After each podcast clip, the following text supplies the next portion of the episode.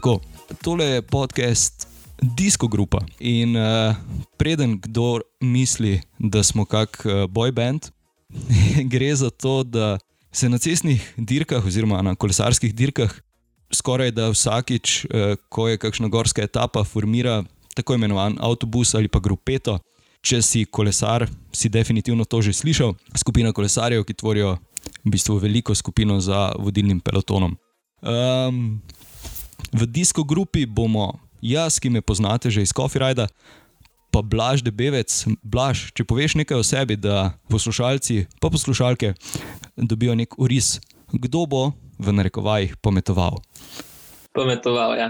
Uh, ja lep pozdrav vsem. Um, kot je Uloš rekel, ja, jaz sem Blaž Debevec. Um, in v bistvu, ja, kako bi sebe opisal, v prvem planu sem uh, kolesar, že večino svojega življenja, um, prej kot v bistvu tekmovalec. Uh, se pravi, če sem do vse kategorije, od dečkov C do članske kategorije. Zdaj pa v bistvu zadnje, ja, slabe tri leta pa delujem kot trener v kolesarskem društvu Rok.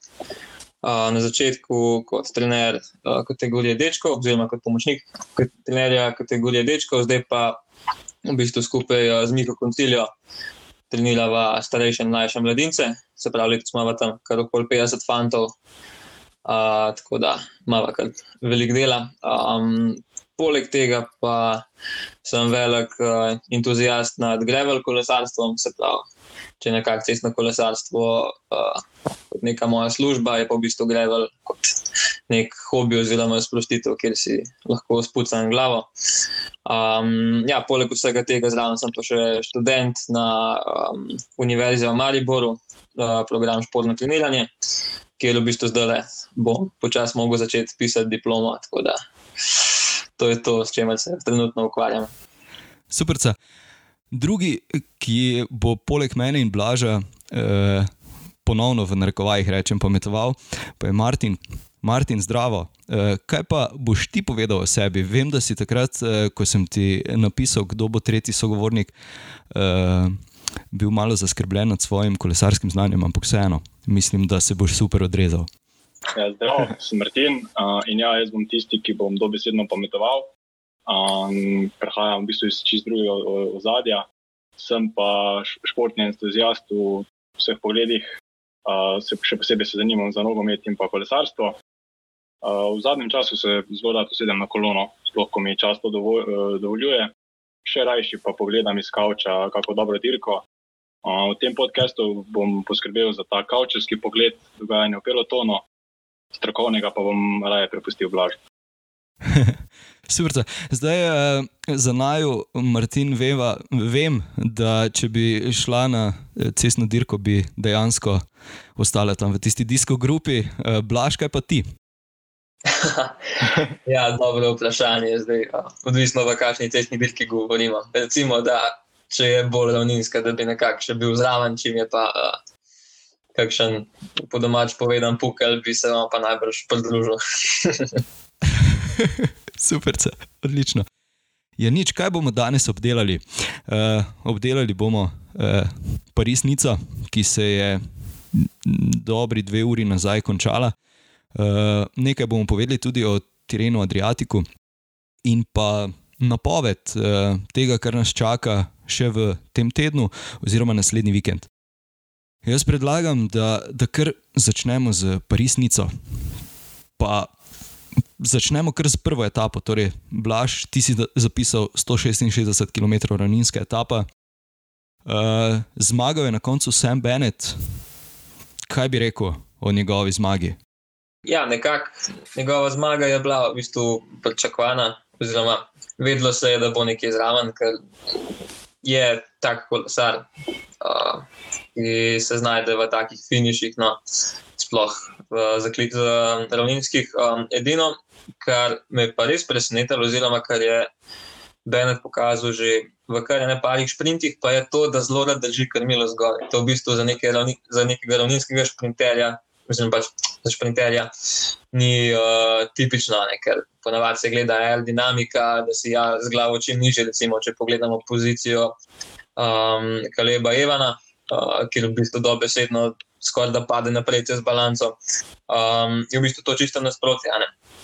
Tako da, um, ja, ampak očitno se je odločil, da bo raje uporabil ta položaj, v katerem se nekako bolj udobno počuti in v tem položaju tudi najbrž posledično razvije več moči in uh, je očitno v tem položaju učinkovitejši. Tako da, um, očitno se bo treba tega tudi navaditi. Tega v zadnjih parih letih nismo prav pogosto videli, ampak um, je pa v bistvu zanimivo, da tudi je ta zga vidimo, ne, kar smo navajeni.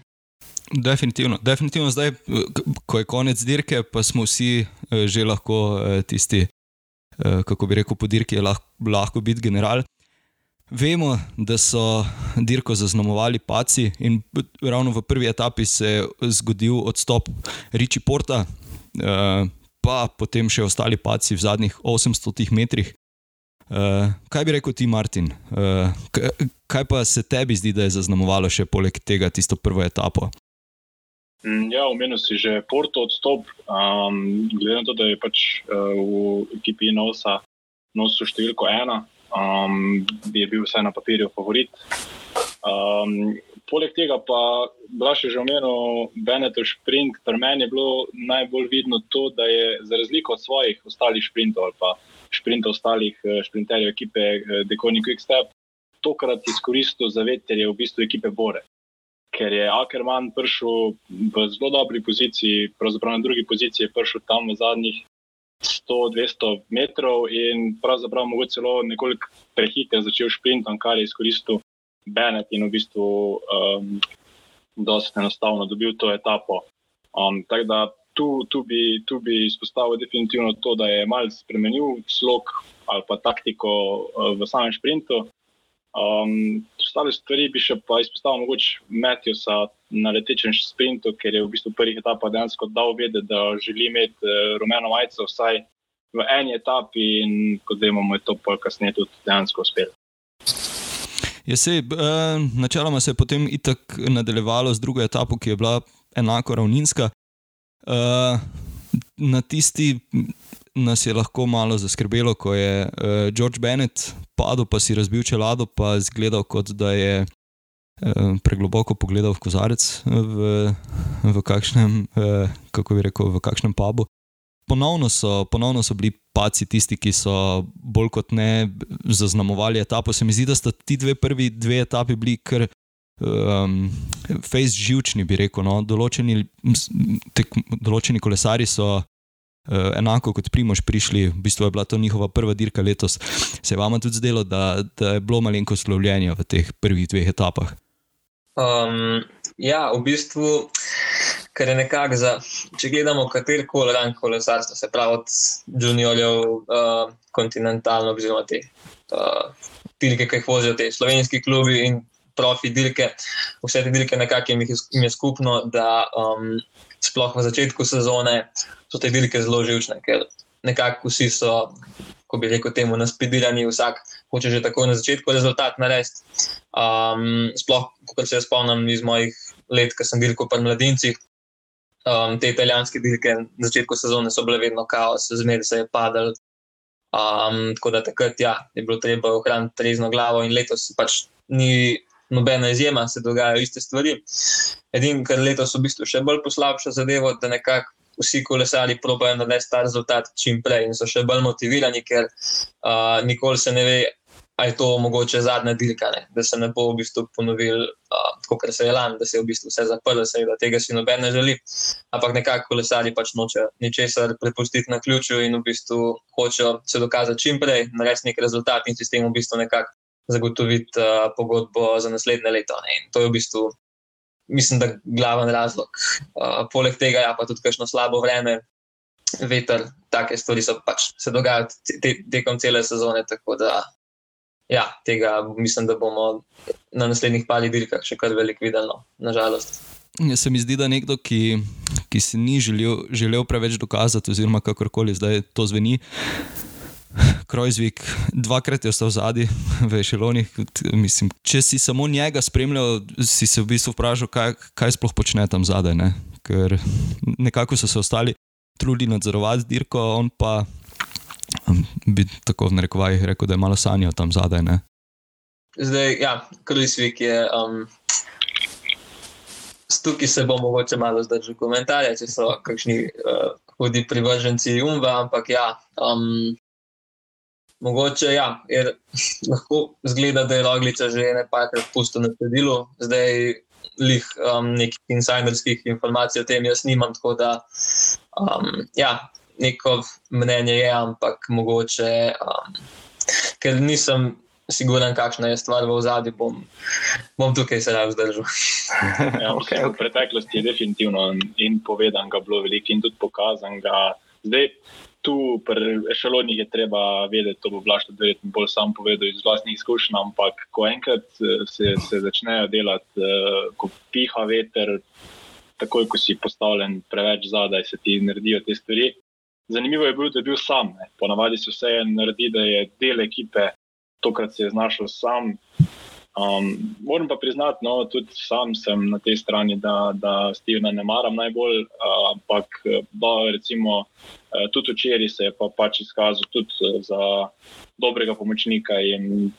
Če bo vse ok, če bo vse tako, mora biti, če se bo Steven podredil primožu, mislim, da bo tudi na turu uh, lahko računal na njega. Se pa strinjam, da recimo tako komat Dej uh, Jana Polanca zraven sebe, ko ve, da mu lahko zaupa 100%, nažalost se mi zdi, da primoš takega kolesarja nima. Mogoče še densko sep kustu tisti najbolj uh, v taki obliki, kot je recimo to Dej Jan. Ja, se tu sem te hotel takoj popraviti, da se mi zdi, da sep je tisti, uh, zdaj če primerjamo Jan Polanc, uh, primoža Rogliča, ne? se mi zdi, da da kadarkoli uh, ima primož problem, se dejansko lahko, uh, vsaj na gorskih etapah, no bom tako rekel, zanese na to. Recimo, to je. Pa tudi, da če rečeš, da je. Kako? Ti rekel, da. Uh imam polan celo gliče, če sem prav zastopil. Ne, ne, ne da, da, da je sip kus eh, dejansko Jan, Jan Polan celo gliče. Ja, okay. ne, tako. Okay. Uh, ja, ja, malo sem se igral z besedami preveč, se mi zdi. Ne, ne, ne, ne. Tudi jaz se še navajam. Uh, Podcastovskega jezika. ok, ok. Dobro, dobro. Za razliko od Stevena, mogoče zna sebe dati to, ta oseben, ne vem, osebno željo ali pa to malo na stran. Jumbo mu tudi to vrača, zdaj v letošnji sezoni je že bil kapetan uh, na dirki po Emiratih, sicer tudi na koncu koncev je mogel delati. Uh, ampak uh, mislim, da bo tudi v prihodnosti sebe dobil dosti priložnosti, da takrat, ko bo vedel, da je pomočnik, uh, bo to nalogo res pravil vrhunsko. Ja, ampak zdaj, mislim, nočem naprej skakati, ampak vse v sedmi etapi je potem Steven res uh, naredil, kako bi ti rekel, uh, lev, levjo nalogo ali pa levji delež eh, sebe dal na tistem klancu, ne, ko je vlekel.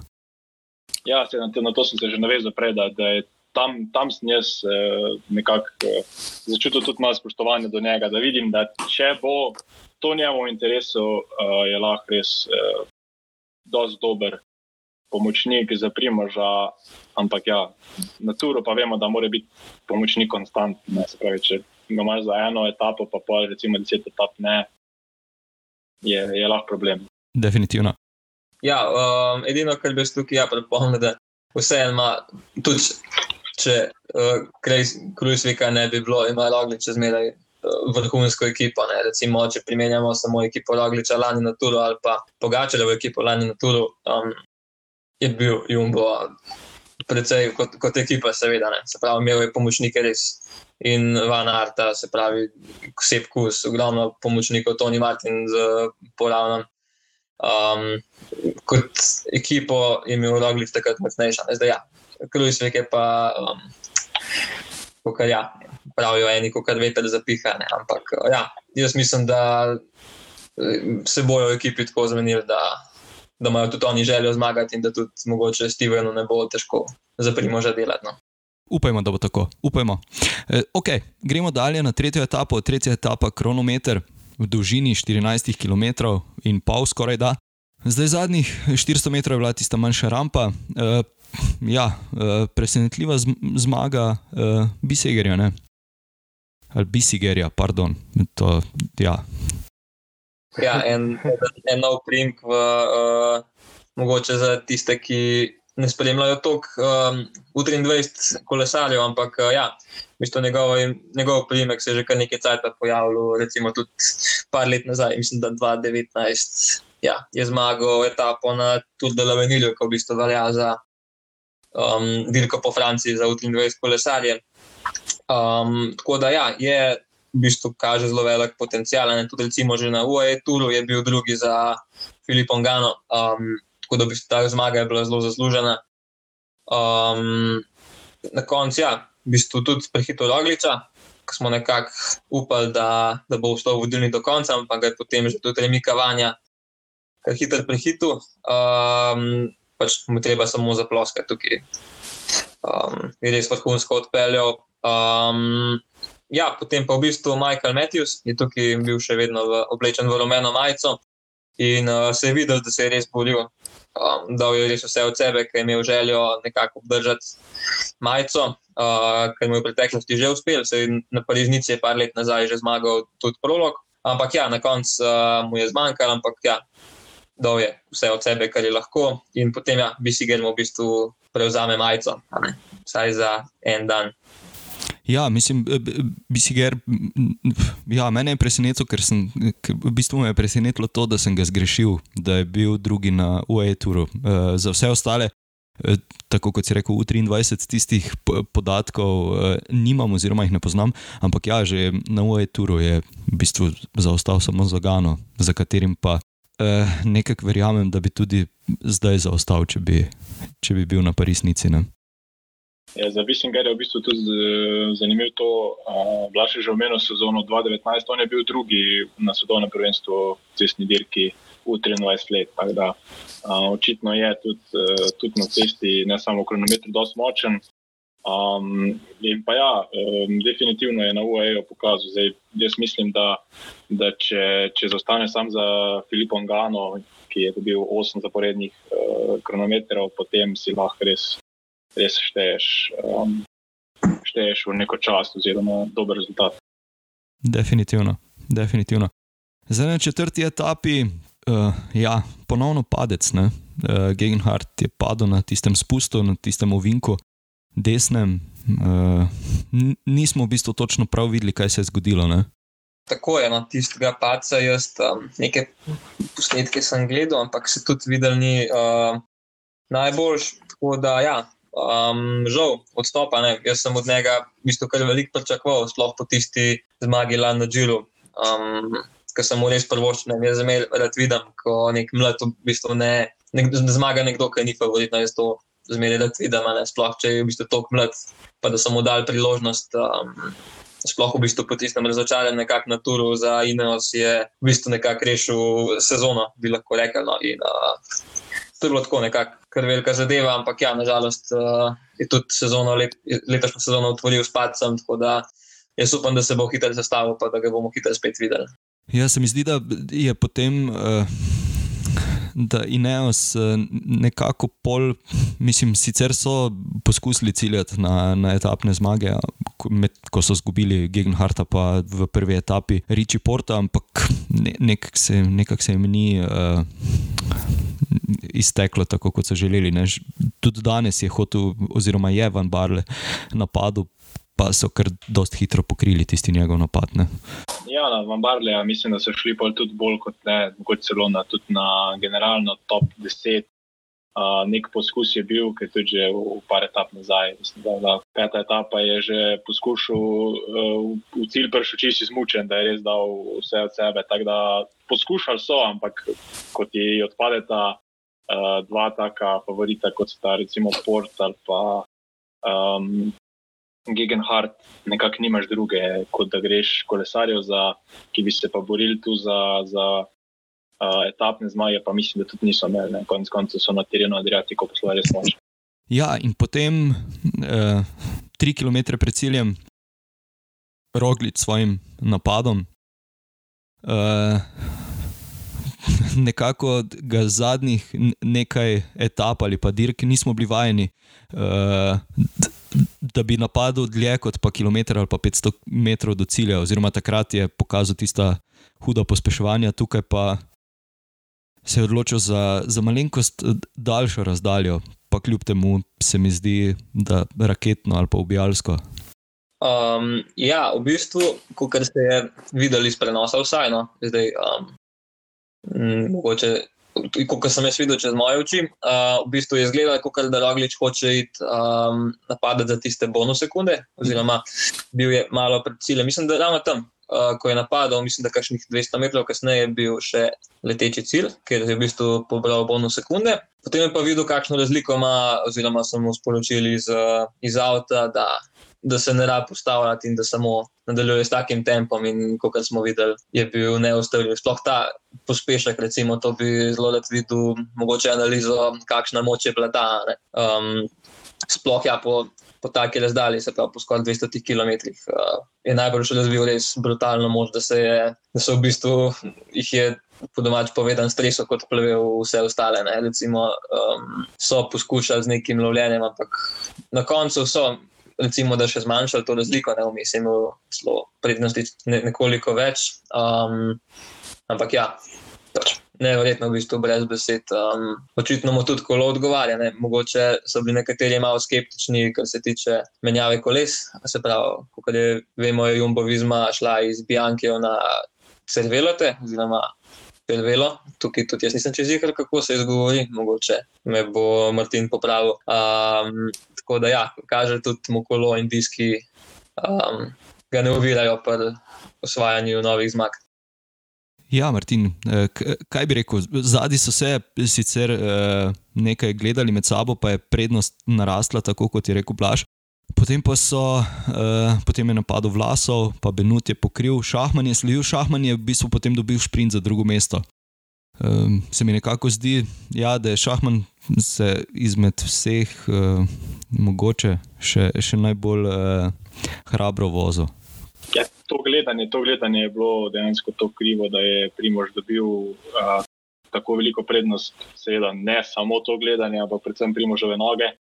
Um, kar se pa tiče, kar se pa tiče pol šprinta za drugo mesto, ja, mogoče dejansko Astana že prej naredila največ recimo v tej borbi, da primož vajame, najprej zagire, potem še vlasov in uh, je mogoče tudi šahma na ta račun nekako pridobil po lahko šprint za drugo mesto.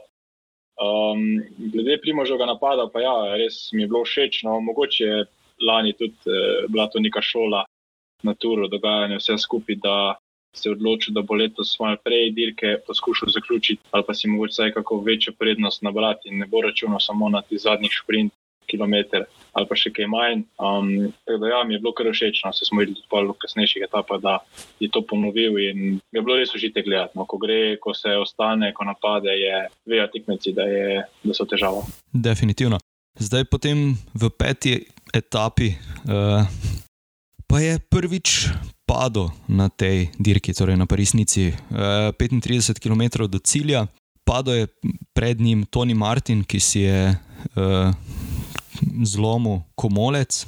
Um, na začetku v bistvu zelo zaspana etapa, ne? tudi primoža smo videli, da je, da je malenko zazehal vmes, uh, vse kamere so ga tako jele. Potem pa trenutek nepazljivosti, pa je vse skupaj postalo spet malenkost hektično. Ne? Ja, tako kot si rekel, v bistvu smo se že pogovarjali, da je bila ta etapa v bistvu vsaj prvih, prvih nekaj kilometrov, v bistvu coffee ride. Uh, se je imela prve tri ure, je, bilo, je bila poprečna hitrost samo 33 km na uro, se pravi, ni bilo bega, da se nekaj dosti dogaja, vsaj na začetku. Um, in ja, v bistvu, če je taka etapa zaspana, potem mogoče tudi malo zbranost pade, ne? čeprav so to v bistvu poklicni kolesari, vejo, zakaj so tam, ampak ja, mogoče tudi to bil eden izmed razlogov v bistvu, ja, kar se pa tiče Martina, ja, meni je res škoda, no, ker je en tak domestik, ki je zelo težko nadomestljiv. On res upravlja ogromno enega dela, še preden ga mi sploh na televiziji vidimo, se pravi, po prvih stotih kilometrih etape, kakršna koli je on upravlja res ogromno dela in je, je bi rekel, da je eden tistih res super domestikov, kot se reče.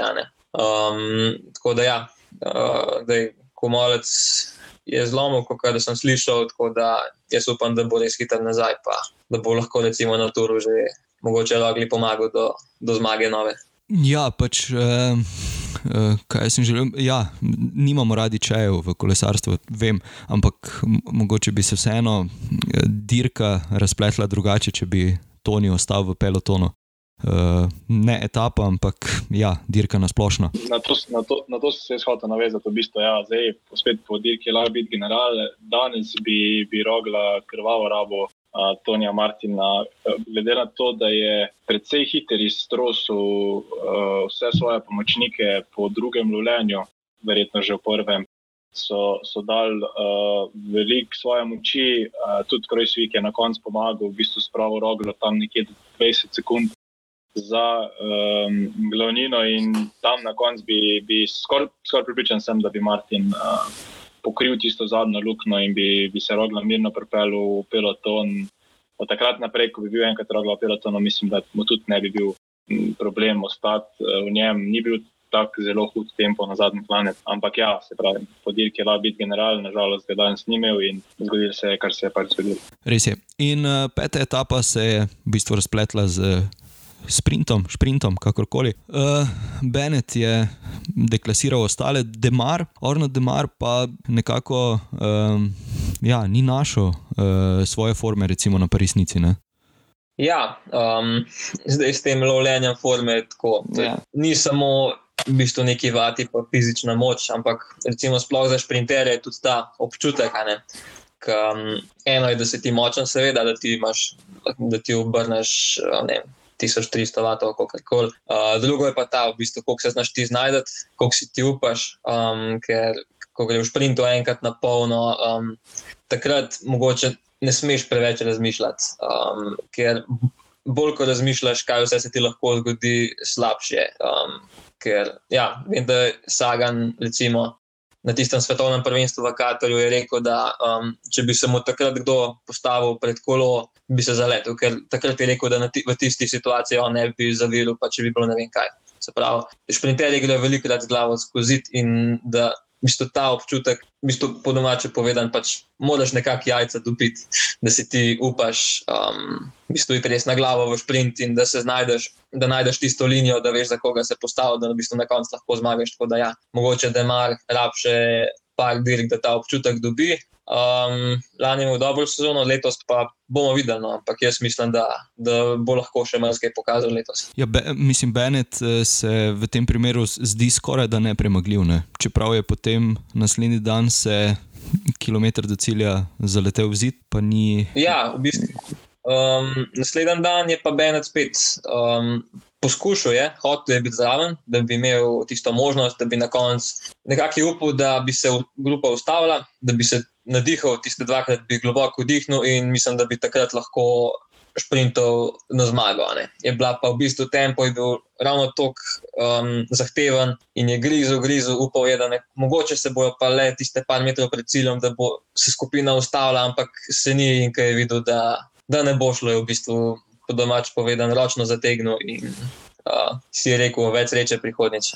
Je tukaj eh, ostal skupaj s Primožem uh, in Laportom, uh, oziroma njemu sta sledila, ko je napadel do cilja uh, Michael Matthews. Se mi zdi, da vseeno pomaga, če si malenkost lažji šprinter skozi te, uh, recimo, ko je klanec pred uh, zaključnim sprintom. Um, ja, zdaj tukaj ločimo spet, šprinterji se razlikujejo med sabo, to je dejstvo. Ne? Recimo, um, če, samo če primerjamo Kaleba Evana ali pa Andreja Grajpla, tukaj je razlika že samo v kilaži. Um, se pravi, mogoče absolutne vate ima um, Grajpla, seveda večje, ne? ampak uh, čim je pa kakšen klan sprej čez katerega treba priti, ne, ker tudi sprinterske etape ima kdaj prej kakšen klanc. Uh, je pa tukaj, ja, recimo, Kaleb Evan, uh, nekoliko v prednosti ne, in v bistvu te nekoliko, bolj, nekoliko lažji kolesari, recimo tudi Luka Mezgac, v takih mogoče malo težjih. Malo bolj zahtevnih, ima več klancev, v takih šprinterskih etapah se tudi, recimo, Luka Mezgac dobro znajde, kot je pokazal že. Um, tako da, ja, to je spet neka svoje vrstna znanost, te tipi šprinterjev. No. Definitivno. Mene je bolj, bolj presenetilo, da dejansko Bennett pršel v zadnji kilometr. Ne? Ker recimo tudi Laport in Matthews sta tipa kolesarjev, tipa šprinterjev, ki jih je uh, ravno kar Blaž omenil. Uh, Matthews je bil tu vsaj zadnja leta eden izmed boljših, uh, nažalost je v svoji generaciji imel kolesarja z imenom Petr Sagan, ki mu je pobral kar nekaj zmag na, na šprintih v Rahu Planet. In tudi to, da je Benet res prišel tako daleč, uh, je kapo dol, uh, se vredne hvale vredno. Uh, potem pa me je presenetil spet primošno. Dejansko v kategoriji z Laportom in Matthewsom je dobil sprint, kar spet. Uh, Želani smo videli, da znate tako on kot sedaj odlično uh, sprintati uh, in tukaj je tudi Primoš enkrat pokazal, da, da je močen in res z užitkom ga bo gledati.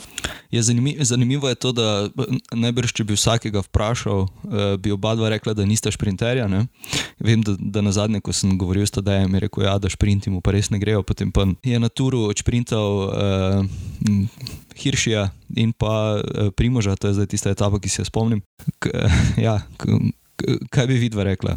Um, ja, v bistvu meni se zdi, da Primož postaja vedno bolj vsestranski kolesar. Se pravi, seveda se vsi se spomnimo tiste zmage v kronometru na Džiru. Um, takrat je veljalo v bistvu res samo za, izključno za kronometriste, se pravi, um, za te vožnje na čas. Uh, potem pa v bistvu um, je postal kribolat z tisto zmago na Turu. Um, in zdaj pa poleg tega, da, se, da je dober v kronometrih, da je dober na dolgih klancih, da je dober na kratkih klancih, v bistvu je pokazal, da lahko zmaguje um, tudi v sprintih. Sicer večkrat bolj zahtevnih, a ne ni bil jih klasičen sprint, ampak še vedno, da lahko v bistvu zmaga v svojih takih zaključkih. Um, pa v bistvu ja. S tem je dokazal, zakaj je v bistvu kolesar številka ena na, na UCI lestici, torej z razlogom je zaseda to mesto. Mislim, definitivno nista čista šprinterja, ampak tudi dejstvo, da je bil lani Tadej osmi v razvrstitvi po točkah na Turu, nam pove nekaj, da, da je tudi v šprintih bil relativno zdraven, seveda v, v primerjavi z Benetom, Saganom in podobnimi kolesarji, eh, ni zraven. Ampak, um, ja, tako je Blaž omenil, to sta res eh, kompletne kolesarje, tudi zmaga lani Primoževa na dirki Liež, pa Stone Liež, pa svetovno prvenstvo. To so v bistvu vse take dirke, kjer sta oba dokazala, da se, se znata peljati tudi na, na enodnevnih, na takih malo težjih, težjih dirkah. In, um, ja, res z užitkom, z užitkom je spremljati slovence v vrhu, tak, pri, tako pri tri, tri tedenskih dirkah, kot tudi na enodnevnih klasih. Absolutno, absolutno. Zdaj, če gremo dalje na sedmo etapo. Um, to je pa tista etapa, ki je, bom zdaj v narekovajih rekel, dvignila veliko prahu, ker so se ponovno delila mnenja. Zdaj, jaz bom kar na začetku povedal moje mnenje, pa potem uh, prisluhnemo še vajnemu. Uh, tisti napad Primoža, uh, 300 metrov do cilja, kjer je, kjer je v bistvu v zadnjih metrih uh, prehitev Džina Mejderja, se mi zdi, da, da, da vsi, ki so napisali, da bi moral to prepustiti ali karkoli, bi, mislim, gre za kolesarstvo. Tudi Domen Novak je recimo včeraj mi potrdil, da pač gre za kolesarstvo pa iz Bahrajn Viktorijos ekipe. Sploh zato, ker ko smo se prej pogovarjali o Stevenu Krajzviku, je prišel do Primoža, po moje, da vprašal, kaj zdaj gremo do konca, pa je Primož rekel, ja, gremo, gremo ne vem, sklepam.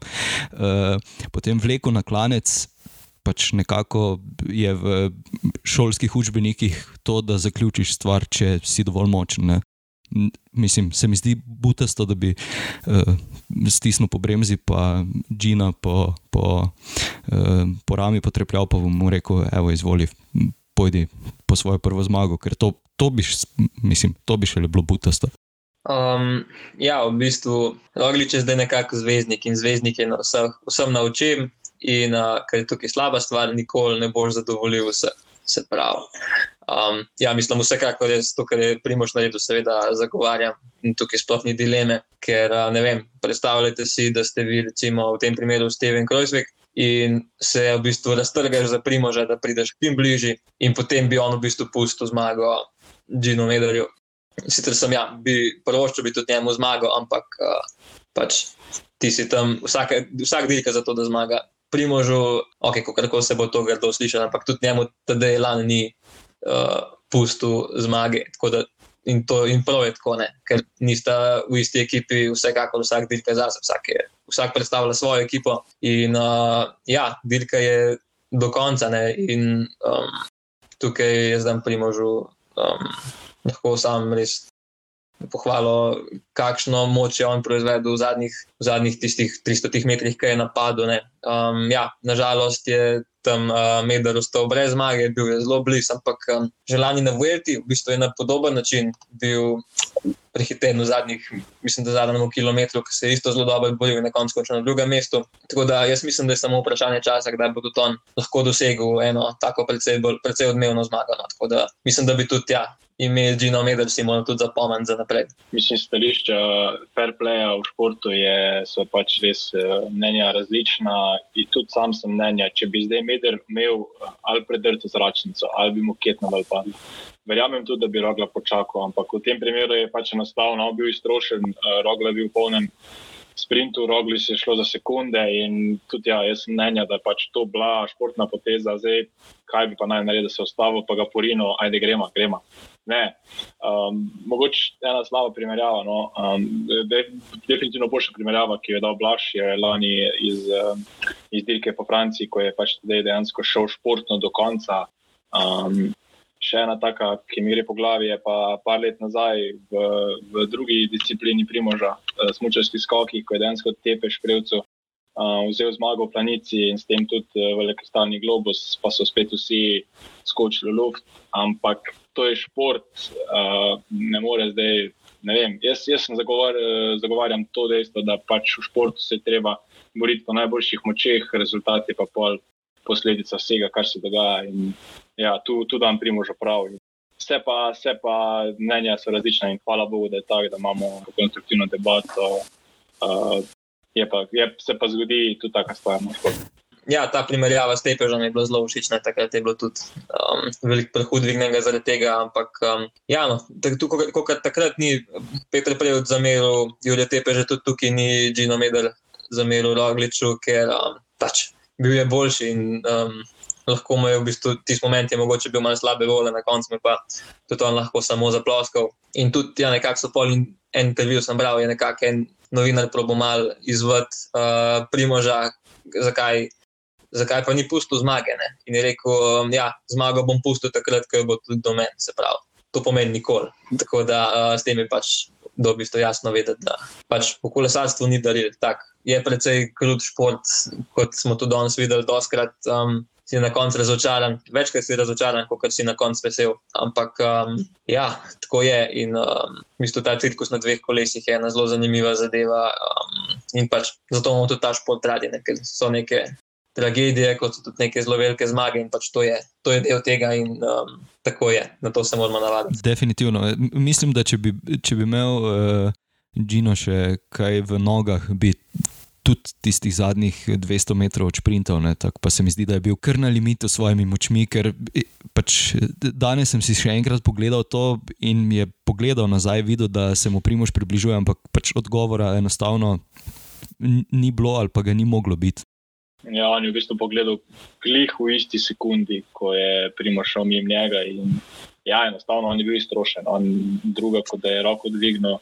Um, zrak ni mogel narediti, pravzaprav čisto. Ja, in potem pridemo do današnje etape. Uh, sicer sem že nekaj minut pred uh, vklopom Eurošporta uh, vedel, oziroma prebral, da je, da je Primoš padel, da se je tudi vrnil v peloton, potem pa so kar hitro prišle na plano tiste, tisti posnetki uh, njegove uh, ritnice. Um, zgledalo je, kot da je v bistvu padel samo, samo na nogo, oziroma rit uh, in se peljal, roke ni imel nič odrgnjene. Kasneje pa se je zvedlo, da je v bistvu pri prvem pacu si izpahnil ramo in si jo popravil sam nazaj noter, kar je tako.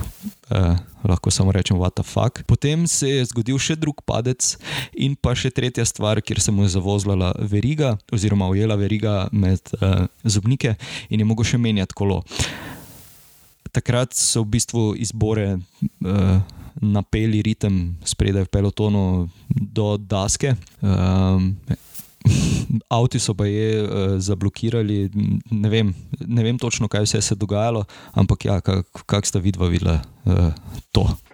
Ja, tukaj je spet um, taka situacija, ki smo jo videli že takrat uh, na Primožovi prvi zmagi na Vueltine.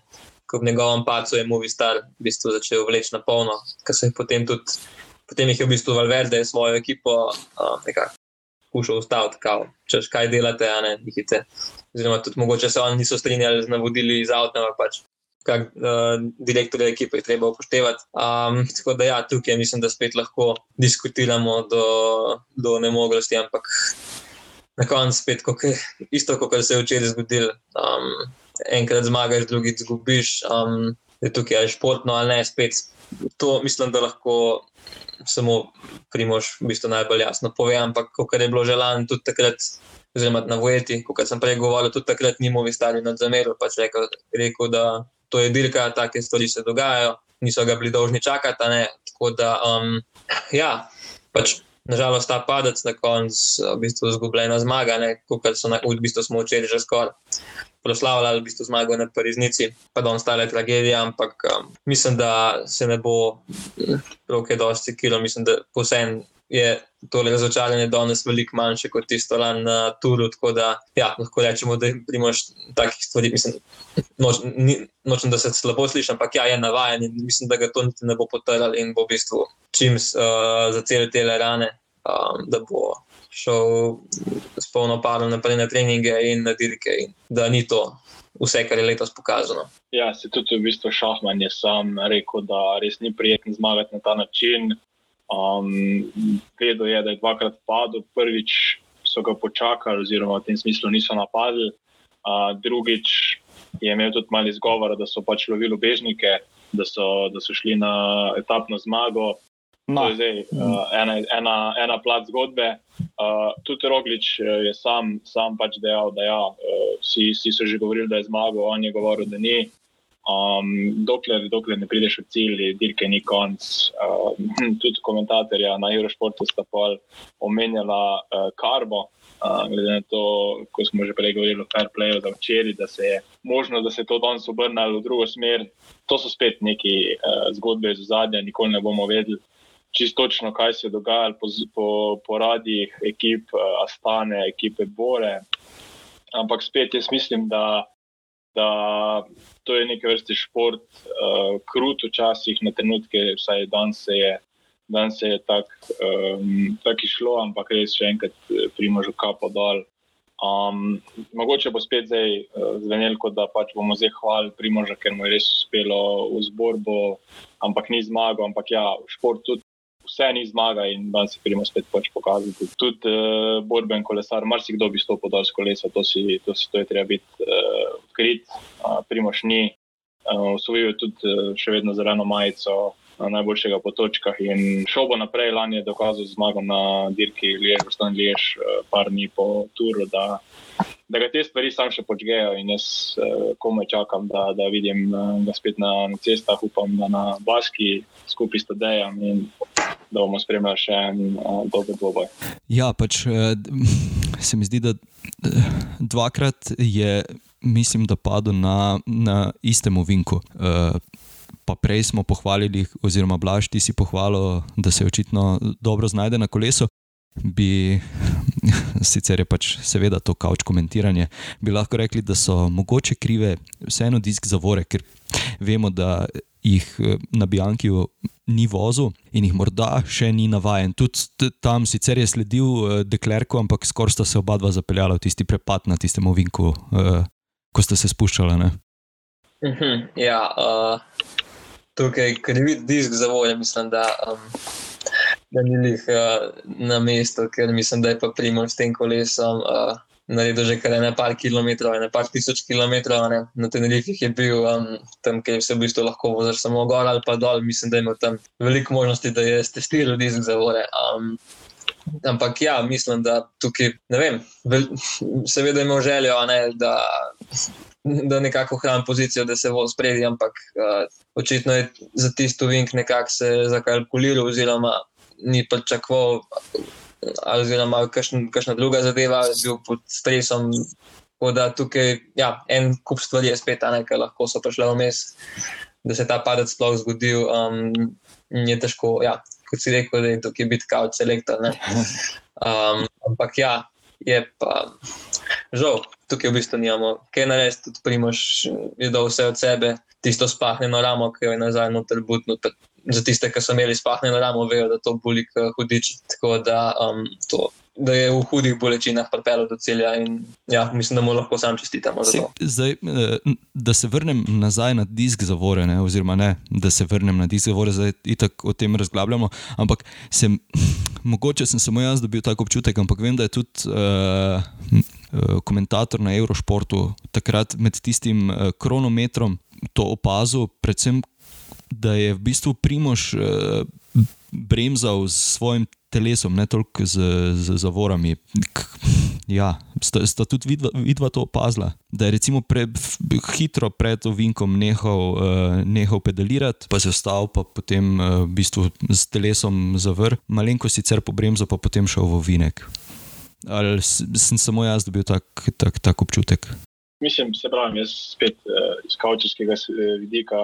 Um, definitivno je razlika med zavore ali pa standardne zavore, ampak eh, vse en bi jaz tu rekel, da tudi splošno kaučevsko mnenje je, da je Primoš preskočil osnovno šolo kolesarstva in dejstvo je, da to je res.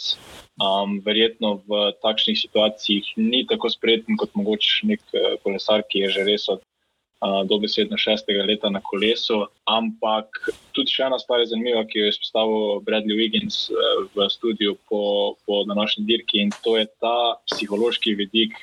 Glede na to, da je Primoš padel dvakrat na istem odseku, je zagotovo v tistem drugem imel nekako v glavi prvo, prvi incident in uh, nekako mogoče tudi podzavestno šel na robe ali pa drugače v, v vinek. Uh, In upam sam, da pač te, te, te psihološke uh, vidiki pa to ne pridejo do izraza na dolgi rok, da primoš pač dejansko prespi, uh, pozabi na današnjo dirko in tako kot se lani, se vrne še močnejši. In jaz tudi verjamem, da bo temu tako.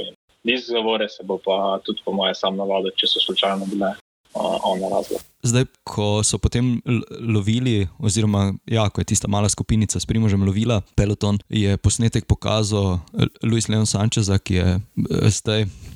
Lahko si vsak po svoje razlaga, ampak se mi zdi, da so bili v pelotonu, ker eh, so si manjli roke, kaj, eh, kaj bojo lahko zdaj sproducirali.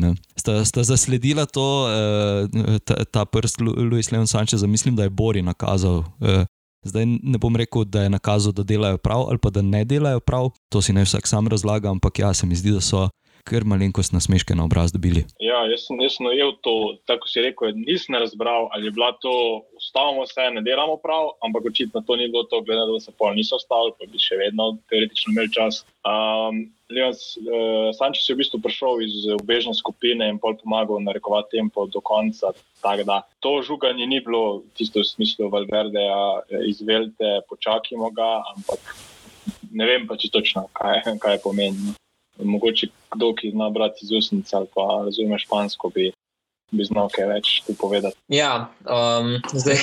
Kot je zdaj v tem času koronavirusa, bi lahko rekel, da v vsaki vojni so tudi vojni dobičkari in um, ja, skušajo v bistvu iz neke slabe situacije nekoga drugega nekako rešiti svojo rita, ne, bi lahko rekel. Tako da um, so nekako probali iz tega izvleči čim več, hkrati pa so vseeno mogoče, jih je bilo strah, da se ne bi preveč zamerali javnosti. Ne? Ker recimo takrat, sploh na Vuelti, je na movi stale tel, kar je nekaj hudih besed, sprejni so jih zagovarjali, ne, to je zdaj spet stvar posameznika.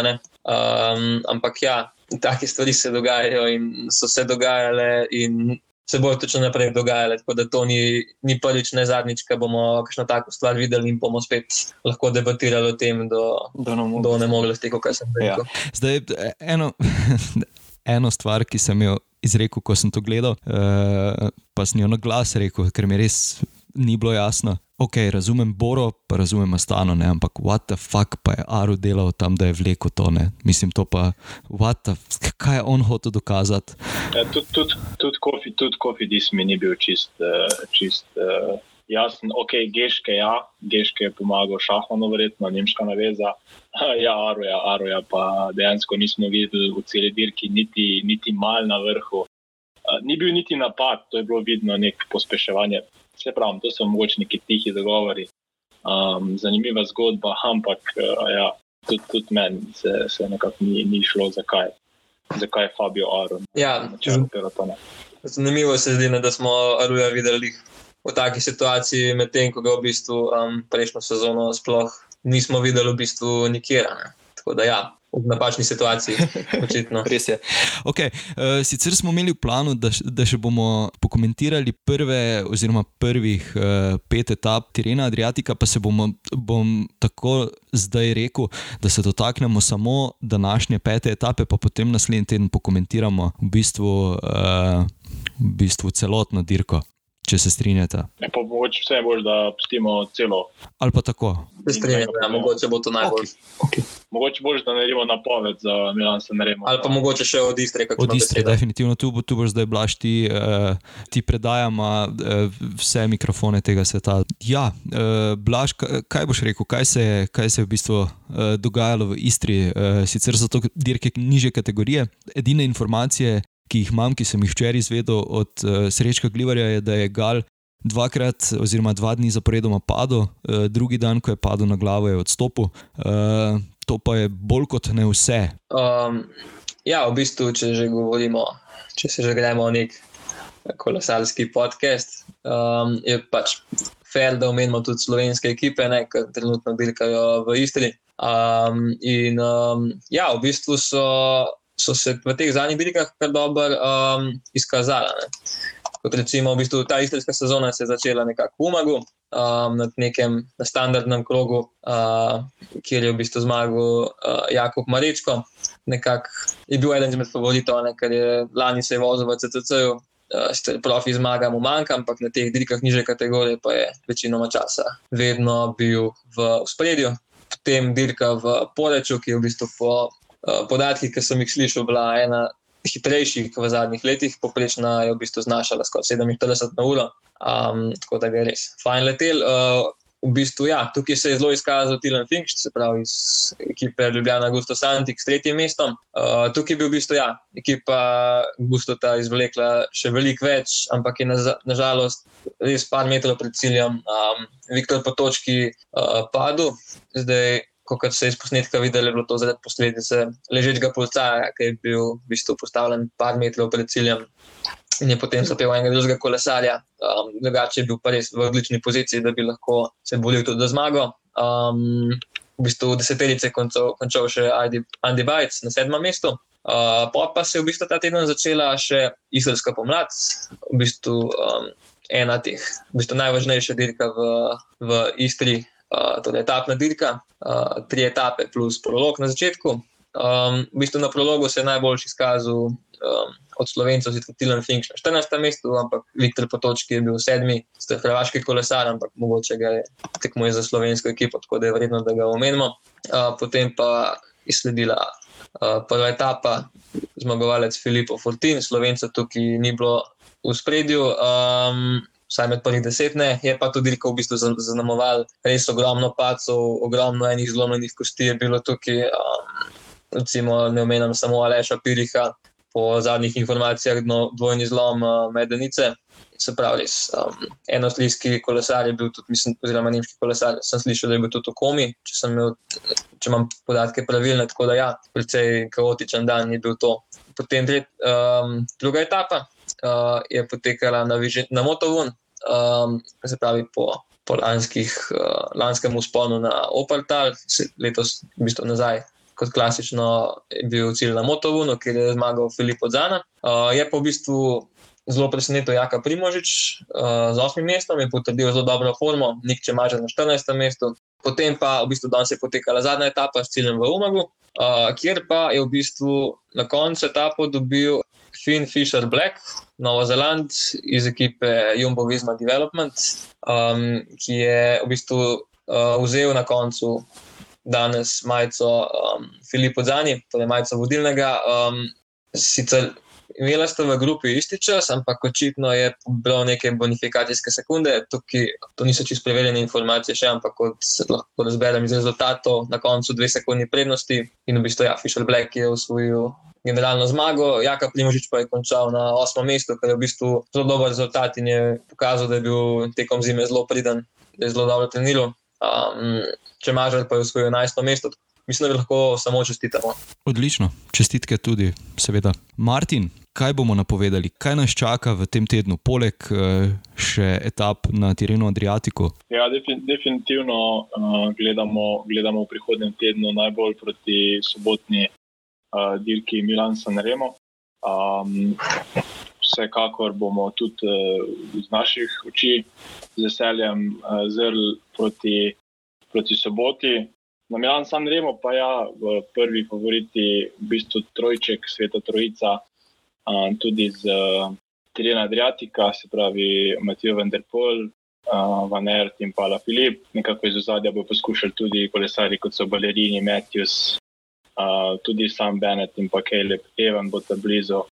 Uh, Sagan bo ponovno poskušal, od naših pa, pa zagotovo upamo držali bomo pusti za Mateja Mohorič. Definitivno. Zdaj, zanimivo, da ga ni vsaj um, tako med eh, tistimi širšimi favoriti navedenega na njihovi strani, ampak se mi zdi, da, da bi znal kak balerini tudi presenetiti. Ne?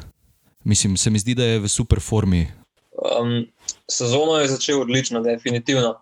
Uh, recimo že na dirki po Pravanci je zmagal prvo, drugo etapo. Uh, potem drugo mesto, usvojil je majico po točkah, zmagal je Omlup, tudi na Tirenu je bil v sprintu dvakrat zelo blizu. Tako da, ja, nekako v bistvu lahko bi rekel, skoraj odkritje letošnje sezone, oziroma tudi lani se je dobro vozil, ampak letos pa nekako uh, zgleda, da so mu dali tudi v Quick Stepu, ker so zelo, zelo močna ekipa, sploh za te enodnevne bilke, mu dajo v bistvu zmeraj več priložnosti. Tako da, ja, jaz mislim, da v primeru, da pride do sprinta.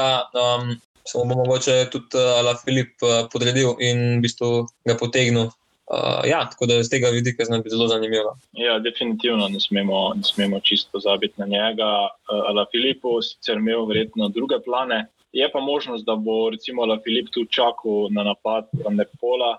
In če slučajno ne bo, bo se na koncu podredil, ker tudi na terenu Adriatiku se je parkrat podredil. Um, je pa to tako, um, vsaj moje kaučersko mnenje je tako, da, da od dekonih Quickstepov bi v bistvu marsikdo lahko opravljal to vlogo šprinterja, ker videli smo, kaj se zgodi šprinterji, ko zapustijo ekipo dekonih Quickstep in um, res ekipa je na takšnih dirkah vedno, vedno zraven in eden od njihovih šprinterjev bo, bo zagotovo. No, vemo tudi, da imajo tu še ostale, ostale kolesarje, ki so močni na klasikah, tudi Zždenek Štivar še ni verjetno rekel posem zadnje besede. In, na njih zagotovo moramo računati, vsaj, vsaj na par kolesarjev iz njihove ekipe. Zdaj, če bi mogla eh, položiti stavo, pa rečemo deset, desetih evrov, na koga stavite? Ha, um, brez dvoma. Okay. Težko vprašanje. Um, ja, um, Van Art ali pa Vanderpool bi jaz rekel, da je 5 evrov na vsakega. ok, ok. Jaz bom, eh, ker sem ga izpostavil, bom rekel balerini. Ja, nekako je to, eh, lahko rečemo, it's a wrap eh, za, za danes. Jaz mislim, da smo super pokrili vse točke. Upam, da nismo karkoli pomembnega pozabili, zdi se mi, da ne. Če smo, nas lahko seveda opozorite. Lahko napišete komentar, lahko pošljete uh, v bistvu audio sporočilo, tudi če želite. Preden pa končamo, pa še tista stvar, ki sem jo, ki sem jo napisal v, v ta naš Google Docs, ste pripravljali kakšno trivijo vprašanje? Uh, jaz v okay. bistvu imam eno. Uh, najboljša slovenska vrstitev na dirki Paris-Nica. V generalnem seštevku? Da. Uh, uh, uh, zdaj, ja to bo zdaj res na blef, ampak uh, vem, da se je Simon Špilak predvsej dobro vozil na teh um, spomladanskih etapnih dirkah, sploh enotedenskih. Uh, Ali je bil slučajno on? Slučajno je bil ta odgovor. Slučajno je bil. Okay. Bi še upal upo poskusiti, katero mesto? Oh, mm, recimo peto. Jaz pa imam v glavi osmo. Ne, uh, v bistvu tako je bilo leta 2007, je bil Tadej Valjavec četrti. Potem je njegovo vrstitev uh, izenačil Simon Špilak leta 2012 uh, in pa 2015 bil celo tretji.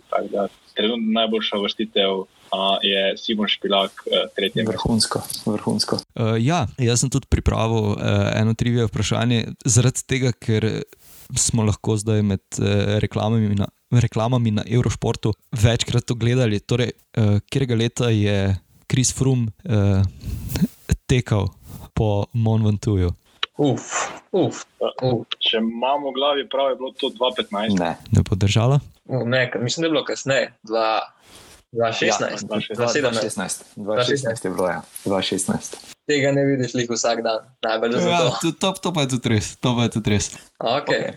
No, jaz imam mogoče eno tako malo bolj osnovno vprašanje, ampak recimo brez pomoči uh, PCS, torej koliko zmag je Vanderpool osvojil letos? Vanderpool.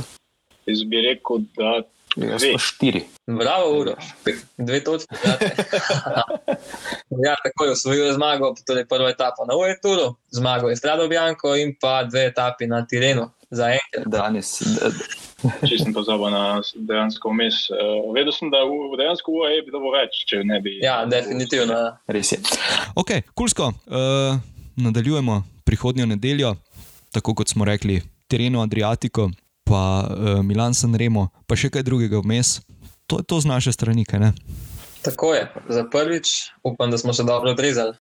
Pošljite na kakšno vprašanje, če vas zanima kaj uh, posebnega, bomo z veseljem odgovorili na vaše vprašanje. Uh, in se slišimo. Definitivno. Super.